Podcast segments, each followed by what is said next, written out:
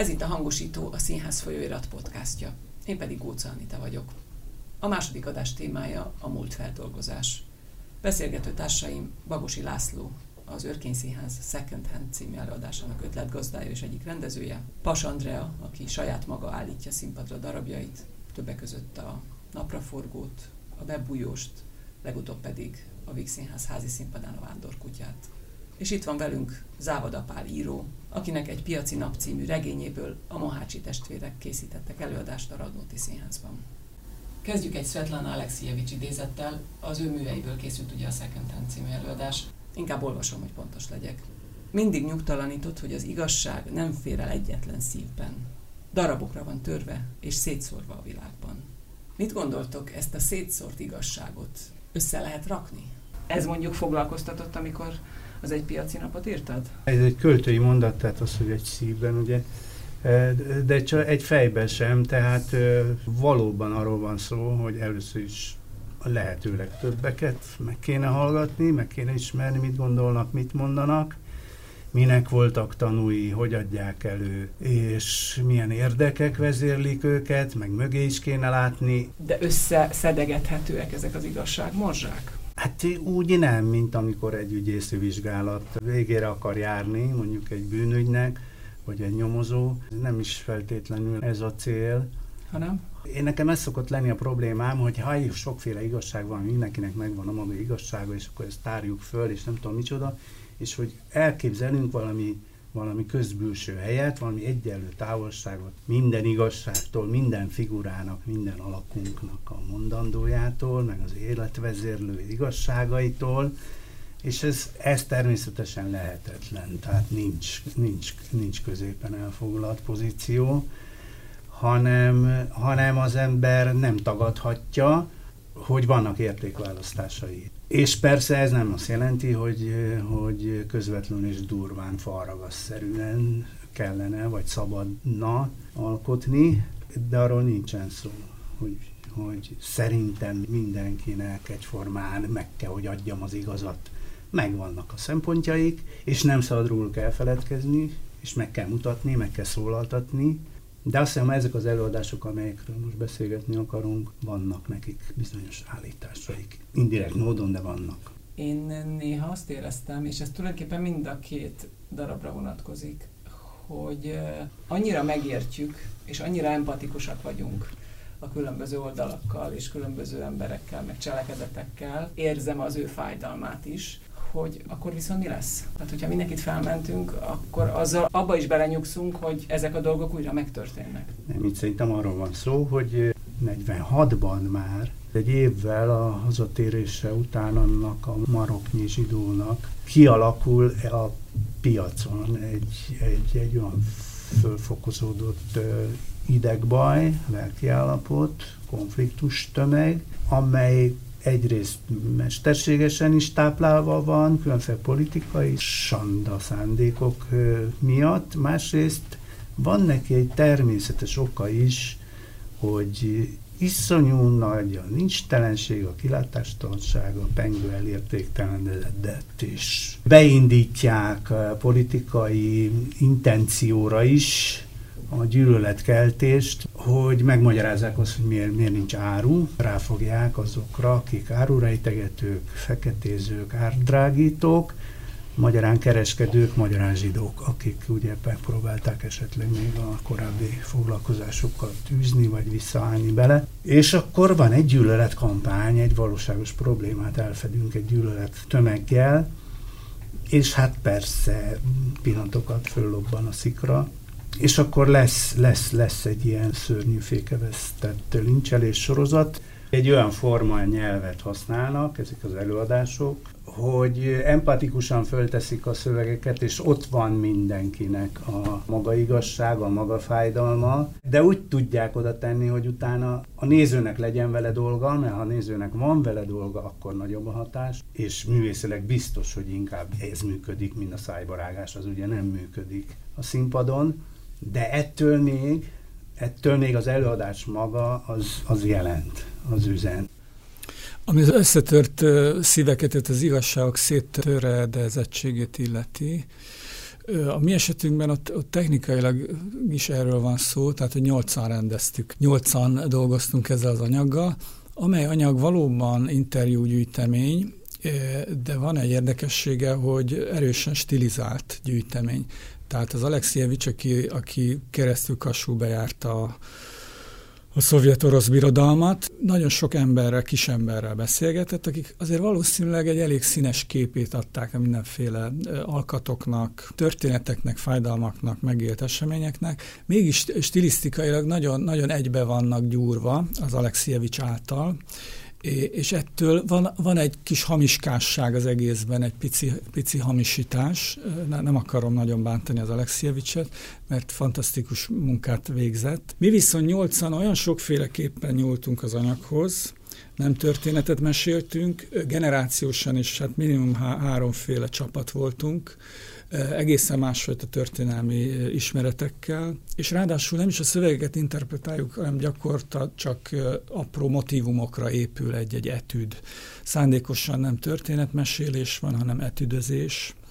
Úgyhogy én úgy érzem, hogy a mi esetünkben színházilag is nagyon-nagyon sokféle lett ez a fajta megközelítés, és ennyiben ellene is megyünk némileg az Alexievics egységes stílusának. Ki hozta az irodalmi alapanyagot? Én találtam az alapanyagot. Végig nagyon ügyeltem arra, hogy ne hatalmasodjak el ezen az egész vállalkozáson, de hát valakinek meg kell találni az anyagot. Nyilván én voltam a kezdeményező. Volt még egy, egy felület, ahol, ahol egy kicsit dominánsabb voltam. A játszótér, tehát a díszlet, az eladás díszletének a kitalálása, vagy jóváhagyása. Ez a ruhahegy, amivel dolgozunk, ez egy olyan univerzális játszótérnek bizonyult. Én úgy éreztem, ami valamiféle stiláris keretet ad, és mégis jól meg tudja mozgatni a fantáziáját mindenkinek. Minden másban nagyon visszafogott voltam, néhány jelenet fűződik csak az én nevemhez, ezeket nem is áruljuk el, hogy melyiket kicsinálta, egyáltalán nem volt ez szándékunk. Főleg azért, mert egy idő után beledumáltunk, tehát nem csak én a, a diákokéba, vagy a, a tanártársaimban, hanem a diákok időnként egészen pimasz módon szóltak bele a, a, a jeleneteimbe. Koros kollégákkal küzdöttünk, szenvedtünk egy-egy jeleneten, és akkor ők ott a nyolcadik sorból így bele, bele szólogattak, amikor, amikor nem ment elég jól a dolog. Mindenesetre örültem, amikor a, az egyik alapélményük az volt ezzel az egész vállalkozással kapcsolatban, hogy hát, hogy mi is meg kell, hogy dolgozzunk, mi tanárok, akik már 30 éve rendezünk, nekünk is ezeket meg kell szülni, ki kell találni, tehát nem is a kisújunkból rántjuk elő ezeket a jelenteket, és hogy ez nekik egy felszabadító, örömteli érzés volt látni a mi szenvedésünket is. Aztán ők is természetesen szenvedtek eleget. Amikor jó ötleteik voltak, abban benne volt az is, hogy sokkal fiatalabbak, és nyilván élményeik nincsenek, maximum ismereteik. Hogy mi a jó ötlet, az, az nagyon, nagyon relatív. Ebben is nagy önfegyelemre volt szükségem. Tehát, tehát sokszor az, az kísértett az a, az a gondolat, hogy, hogy vajon nem egy generációs butaságból vagy érzéketlenségből nem, nem vagyok vevő egy-két fiatalos ötletre. Tehát ez, ez egy komoly, komoly dilemmát okozott nekem, hogy amikor ellenérzéseim támadtak valamivel kapcsolatban, akkor az vajon nem az én, én öregségem, vagy hogy van ez a szó? Az. Begyöpösödöttségem e, ez, a, ez az ügy. És, és, és több esetben is előfordult, hogy, hogy valaminek a végére tudtak járni, amit én alapból nem valahogy nem, nem éreztem jónak, és úgy éreztem, hogy ez, ez valahogy hülyeség, és kifejezetten örültem, amikor, amikor nem vágtam el a torkát rögtön egy, egy próbálkozásnak, és az, az, az ki tudta futni magát, vagy valamit be tudott bizonyítani az igazságáról. Erre mondasz példát? Nem mondok, mert akkor kiderülne például, hogy melyik nem az én jelenetem. A párhuzamos narratívák jelenléte is közös a két darabban, és számomra talán az a felismerés is, hogy jelentéktelennek látszó epizódokon keresztül lehet megfogalmazni valami lényegeset a történelem alakulásáról. Ebben az Alexievicset követjük, tehát hogy, hogy, hogy sok-sok kis mozaik darabkából állnak össze a, a könyvei. Igaz, hogy tematikus könyvek. Van egy, egy, egy központömből kiindultunk, az elhordott múltjainként fordított mű, ami The Second Hand Time, az angol fordításban, és, és az oroszhoz, e, e, igen, ez áll közel, de annak az, az összes leágazásából szinte készült egy-egy könyv, tehát, tehát a rendszerváltozásról szól maga a könyv, Viszont a, a nagy, nagy orosz, szovjet-orosz traumák, második világháború, Csernobil, Afganisztán, ezekről mind külön könyvek is születtek, és ezeket mi hozzá is olvastuk ehhez az anyaghoz. Tehát sok-sok szólam van, és nagyon testközeli élmények, tehát nagyon, nagyon nagy részletgazdagság. Tehát hiába van egybe stilizálva ez a sok-sok monológ, annyira részletgazdag, annyira, annyira biztosak lehetünk benne, hogy ezt nem lehet kitalálni. Tehát egyszerűen, hogy aki erről beszél, az ott volt, mert elképesztően közel volt mindenhez, és olyan, olyan sok mindent képes róla elmesélni. Ilyen élmények. Igen, amit csak egy, csak egy valódi, valódi tanú képes elmondani.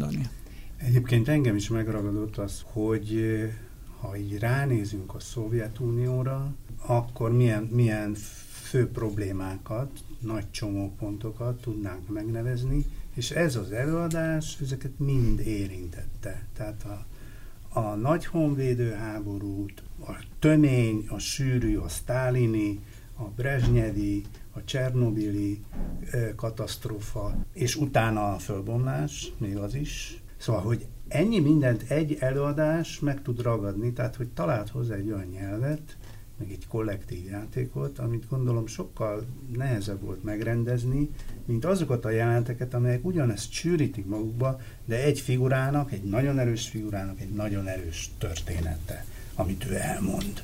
De közben meg meg kell szőni az eladás szövetét, egyben tartani stilárisan, dramaturgiailag, szóval ez egy nagyon komoly nehéz munkának látszik, és sikere járt szerintem. Az a hatalmas anyag, amiből ezt bányáztuk, az tényleg hasonlított magára a díszletre. Tehát ott, ahogy ott sem, ott sem mozdítunk meg, vagy, vagy, vagy mutatunk fel minden egyes darabkáját ezeknek a ruháknak, hanem úgy ki, kikapkodunk belőlük a egyet, egyet a halomból. Itt is ez volt, hogy ez egy irgalmatlan mennyiségű anyag.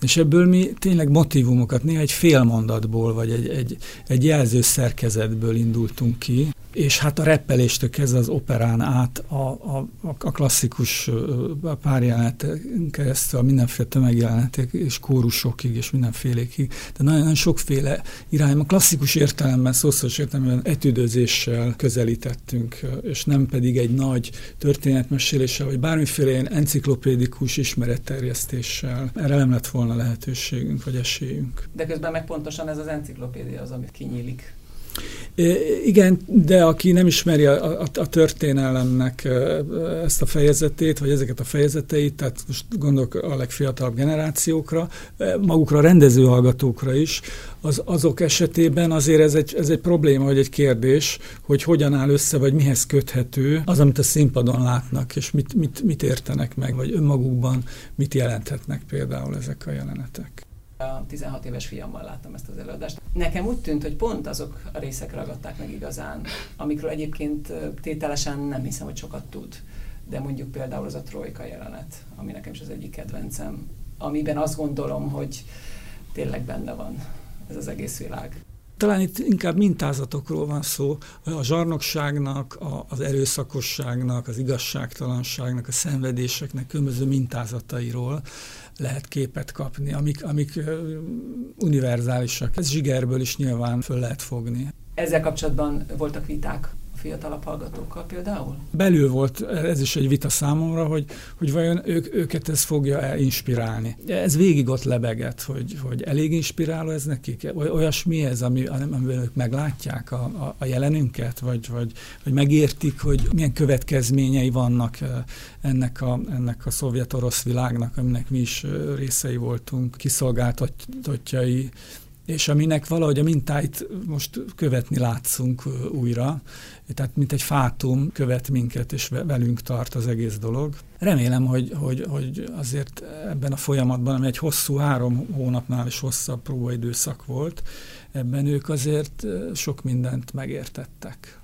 Az egy piaci nap kapcsán bennem a leginkább az a jelenet maradt meg, azt hiszem, hogyha így a jeleneteknél maradunk, az etűdöknél, amikor megérkeznek a pályaudvarra a hazatérő zsidók. Szociológusként még régen beszélgettél esetleg emberekkel, akik fel tudták idézni, hogy pontosan mik hangzottak el ilyen megérkezésekkor? Hát ezek nagyon nehéz helyzetek, nem is tudom. Van egy idős barátom, aki mondott néhány konkrétan nem erről, hanem más számára fontos vagy erősen meg, megmaradt, megőrzött jelenetet, vagy párbeszédet. Ezeket én használtam a regényeimben, a fényképész utókorában, az idegen testünkben. Konkrétan az egy piaci napban nem, Mindenki tudja a Mohácsiról, hogy bármihez hozzá írja, és ezt nagyon helyén valónak tartom. Általában jól szokott járni az, akinek hozzá nyúlnak a szövegeihez. Hát mondjuk például ezt a jelenetet, ezt én egyáltalán nem írtam, amit te felidéztél az előbb a regényben.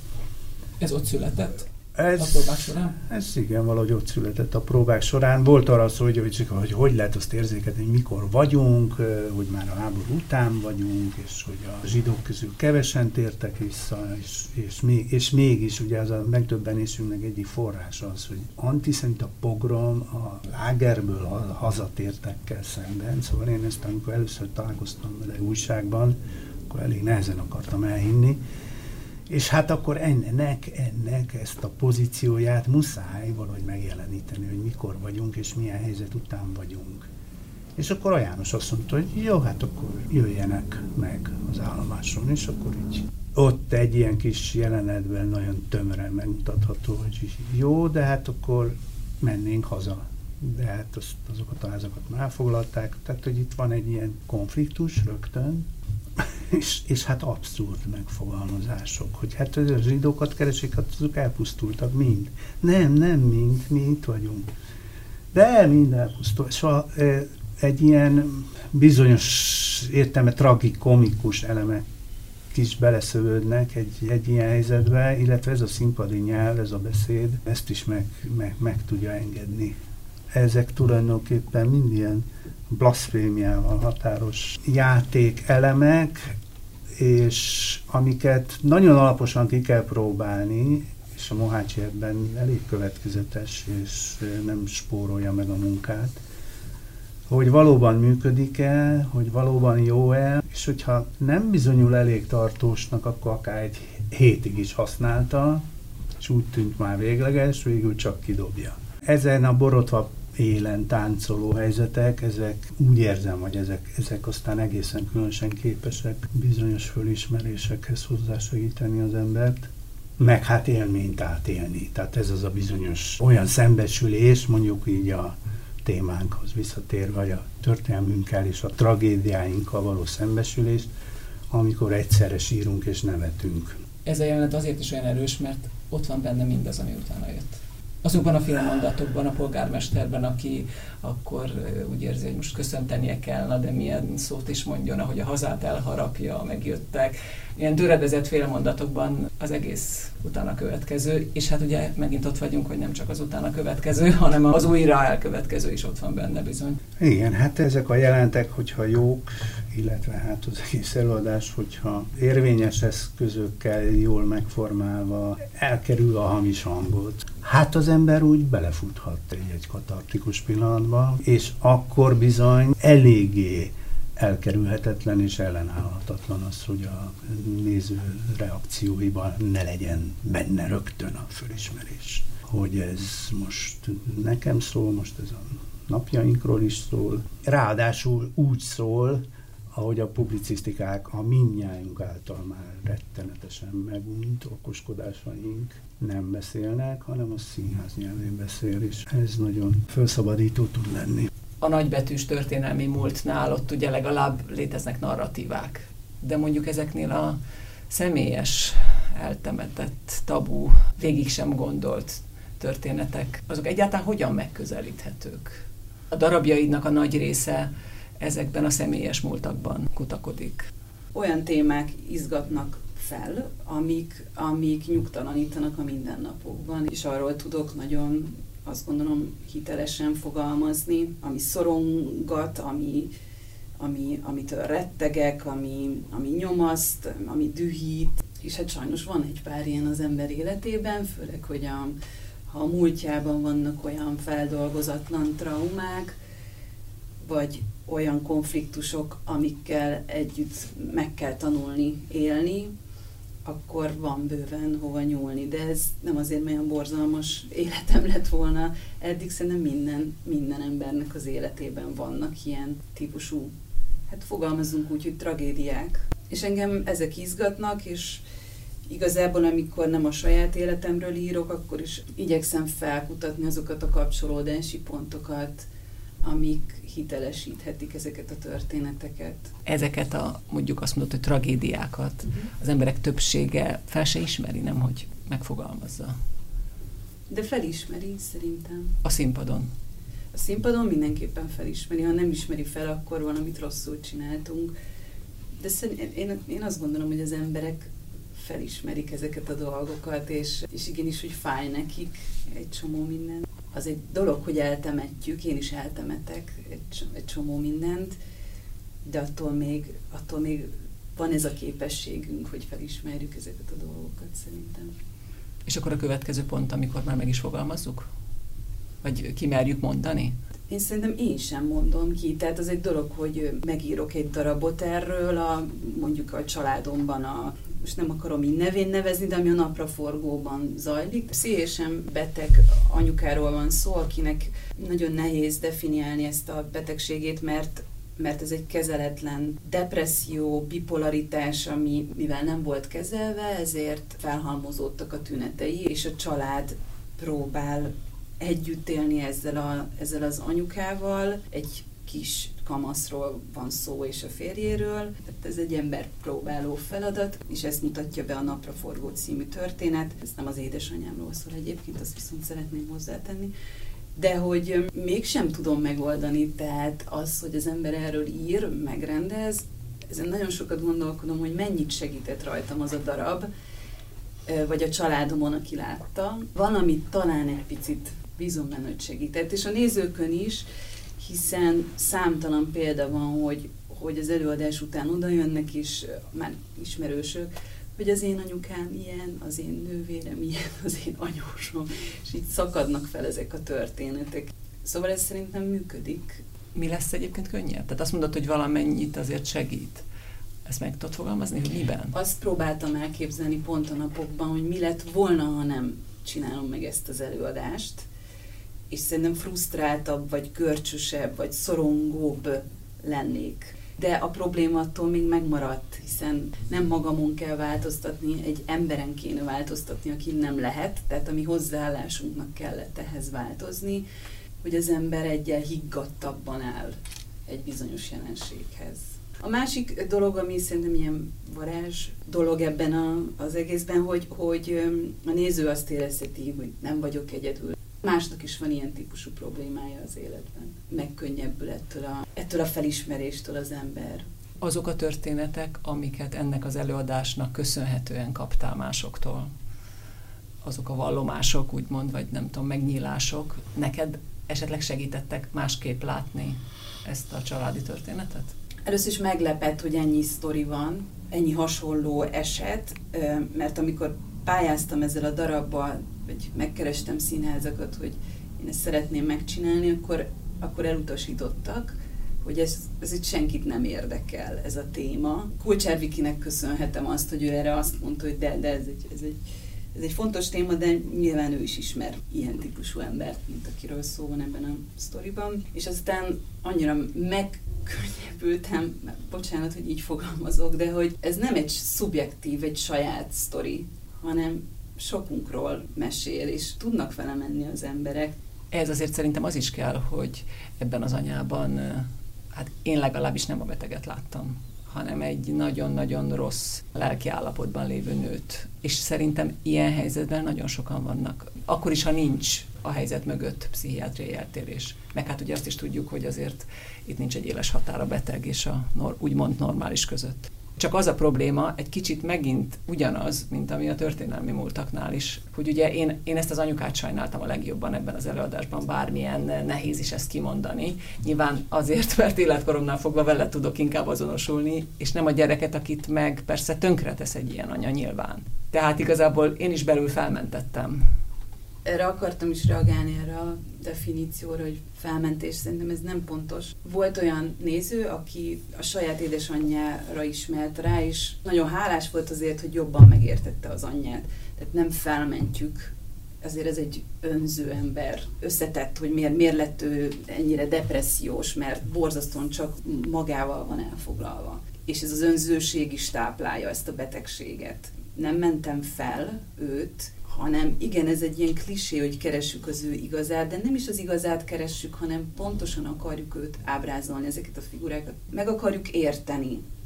És ez nem felmentés, pontosan ettől lesz az ő hatása színpadilag iszonyúan felkavaró, dühítő, mert hogyha nincsen hozzá érzelmi kötődésem, akkor nem tud feldühíteni, amikor éppen nem megy el a farsangra, holott a gyerek várja, vagy nem, nem tesz meg olyan gesztusokat, ami, amire a gyerek szomjazik. Ez szerintem nem felmentés attól, hogy, hogy megértjük őt egy kicsit, vagy sajnáljuk. Ez egyébként érdekes, mert megint érvényes a nagybetűs történelmi múltra is, hogy ha megértem, akkor azzal felmentem-e abban a percben, hogy a nénit, aki a szibériai táborban őrizte az óvodásokat, az anyjuktól elszakított óvodásokat, abban a percben, hogy én őt embernek látom, és sajnálni kezdem, mert hogy neki tényleg ott a világ végén nem volt más, és nem tehette meg, hát megértem, hogy nem tehette meg, hogy nem vállalja el ezt a munkát, de a másik percben meg, hát nyilvánvaló, hogy ezt a munkát nem szabad elvállalni. És akkor most itt vagyok a mában, hogy ha nézem a fotót, amin a rendőrök állnak egy körben, és igazoltatják a hajléktalant, és aztán viszik be. De abban a percben, hogy én őt megértem, megértem azt, amiért elvállalja, akkor hát tulajdonképpen zöld utat adok arra, hogy csinálja.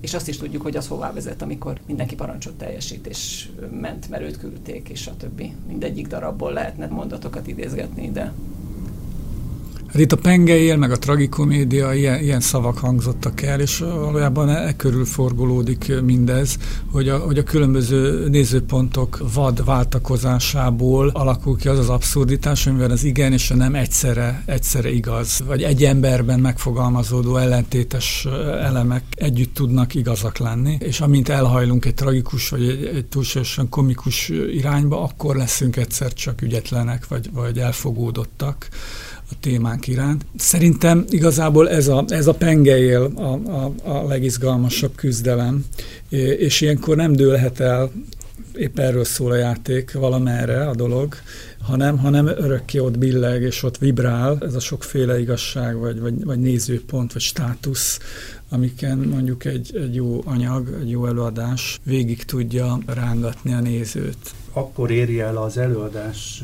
a legerősebb hatást, ugye ahogy Andrea is mondta, a néző érzelmileg erősen involválva lesz, akár azért, mert ráismer a saját édesanyjára, vagy ráismer a saját nagyapja viselt dolgaira, és azokat érti meg egyszer csak egy előadáson keresztül pontosabban, vagy pedig melbevágóbban. Ha valóban több nézőpont van, ez az előadás például azzal is játszik, hogy áldozatot és tettest váltva játszanak színészek, ugyanazok a színészek. Egyrészt, másrészt képesek humorosak lenni. Tehát az van, ami egészen dermeszt, amikor megtetszik nekem egy szörnyeteg, mert hát jó a dumája. Hát, hogy nem azzal a közhelyen játszunk, hogy aki szörnyeteg, az barom tahús vonzó valami olyasmiben, amit ha messzebbről nézünk, vagy a végeredmény felől nézzük, akkor szörnyű, elborzasztó és taszító. Például ilyen részletekre is rá tud mutatni egy jó mű, azért dicsérem ilyen bátran fennhangom, mert ezeket a részeket nem én írtam, úgyhogy csak annak örülök, hogy olvasmány élmény tudtam lenni ehhez az előadáshoz. Egy pár mondat erejéig azért térjünk még vissza Andi darabjaihoz, amelyeknek a nagy része a gyerekek tükrén keresztül láttak minket felnőtteket. Miért választottad ezt az optikát? Színházi neveléssel kezdtem el foglalkozni ugye 2012-ben, és ez nyilván áthatja a munkáimat. Az első előadásom is egy osztályterem színházi előadás volt, kamasz szerepekkel, Szerintem valami itt, itt indulhatott el, hogy elmélyedtem ebben a kamasz világban, aztán a kis kamasz, és aztán az óvodás. Mentél egyre lejjebb. Igen, hiszen ez egy annyira izgalmas életszakasz, amikor kibomlóban van a személyiség, amikor még igazán tudunk változni. Ez egy nagyon képlékeny és törékeny időszak az életünkben, ebből kifolyólag nagyon drámai időszak. Az én, én életemben a, a kamaszkor az egy ez egy izgalmas időszak volt, még akkor is, hogy ha én az édesapámat kamasz koromban veszítettem el, és egyébként erről fog szólni a következő előadás, aminek decemberben lesz a bemutatója. 20 év elteltével dolgozok fel egy traumát. Ez a gyerek optika mit tud hozzáadni? Miben, miben tud másképp mutatni bennünket? Azt mondjuk megtapasztaltam, hogy milyen kegyetlen ez a tükör. Olyan fénytörésben tud megmutatni felnőtt karaktereket, amit önmagukban lehet, hogy az a fajta minőség nem tudna megszületni. De nem tudom, mert nem így gondolkodom, tehát mindig a helyzet meg a történet kezd el érdekelni, tehát ezt már utólagosan lehet megfejteni ezeket a kérdéseket, de nagyon izgat, hogy, hogy, hogy mit rontunk már el, akár óvodáskorban, felnőttként, vagy egy intézmény mit tud elrontani a nevelésben, már rögtön a legkisebbeknél. És ez egy fontos társadalmi kérdés is lehet, mert szerintem a bebújós az nem pusztán arról szól, hogy hogy a picik tükrei a felnőtteknek is fordítva, hanem, hanem az egy metafora, hogy egy oviban vagyunk végig, és, és hogy az első, igen, az első lépésnél már hogyan nem tudunk jól problémákat megoldani, vagy szőnyeg alá söpörni, ami aztán onnantól végig mérgezi az életünket. Nyilván, hogyha én kegyetlen tükörnek hallom azokat a mondatokat, hogy teljes képzavar legyen, az arra utal, hogy ez hiteles. A történeti hitelesség, az mind a két darabban nagyon sokszor előkerül. Ott voltunk többen, és mindannyian más láttunk. Tehát még akkor sincs hiteles visszaemlékezés, ha ott voltam.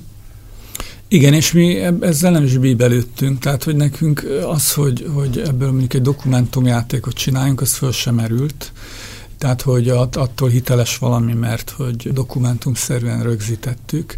Mind, minden jelenetben van valami poetikus sűrítmény, ami elemeli a dokumentumtól, és képzeleti elemeknek a játékaival beszél. Ez az érzetünk, hogy valami, valami igazi, vagy valódi, vagy hogy mi az igazi, meg mi a valódi, meg a valódi igazi-e, ez egy, ez egy folyamatos játék ezek a hallgatói beszólogatások a nyolcadik sorból, amit az előbb emlegettem, ezek például nagyon emlékszem, hogy erre vonatkoztak, és a mókolás szóra emlékszem nagyon, amit az egyik, az egyik tanítvány nekünk élemedett régi kollégáknak, egy színész kollégám volt a színpadon, én voltam a rendező, ez csak azt mondta, hogy hát, hát ez olyan mókolás, tehát hogy, hogy nem, nem igazi a dolog.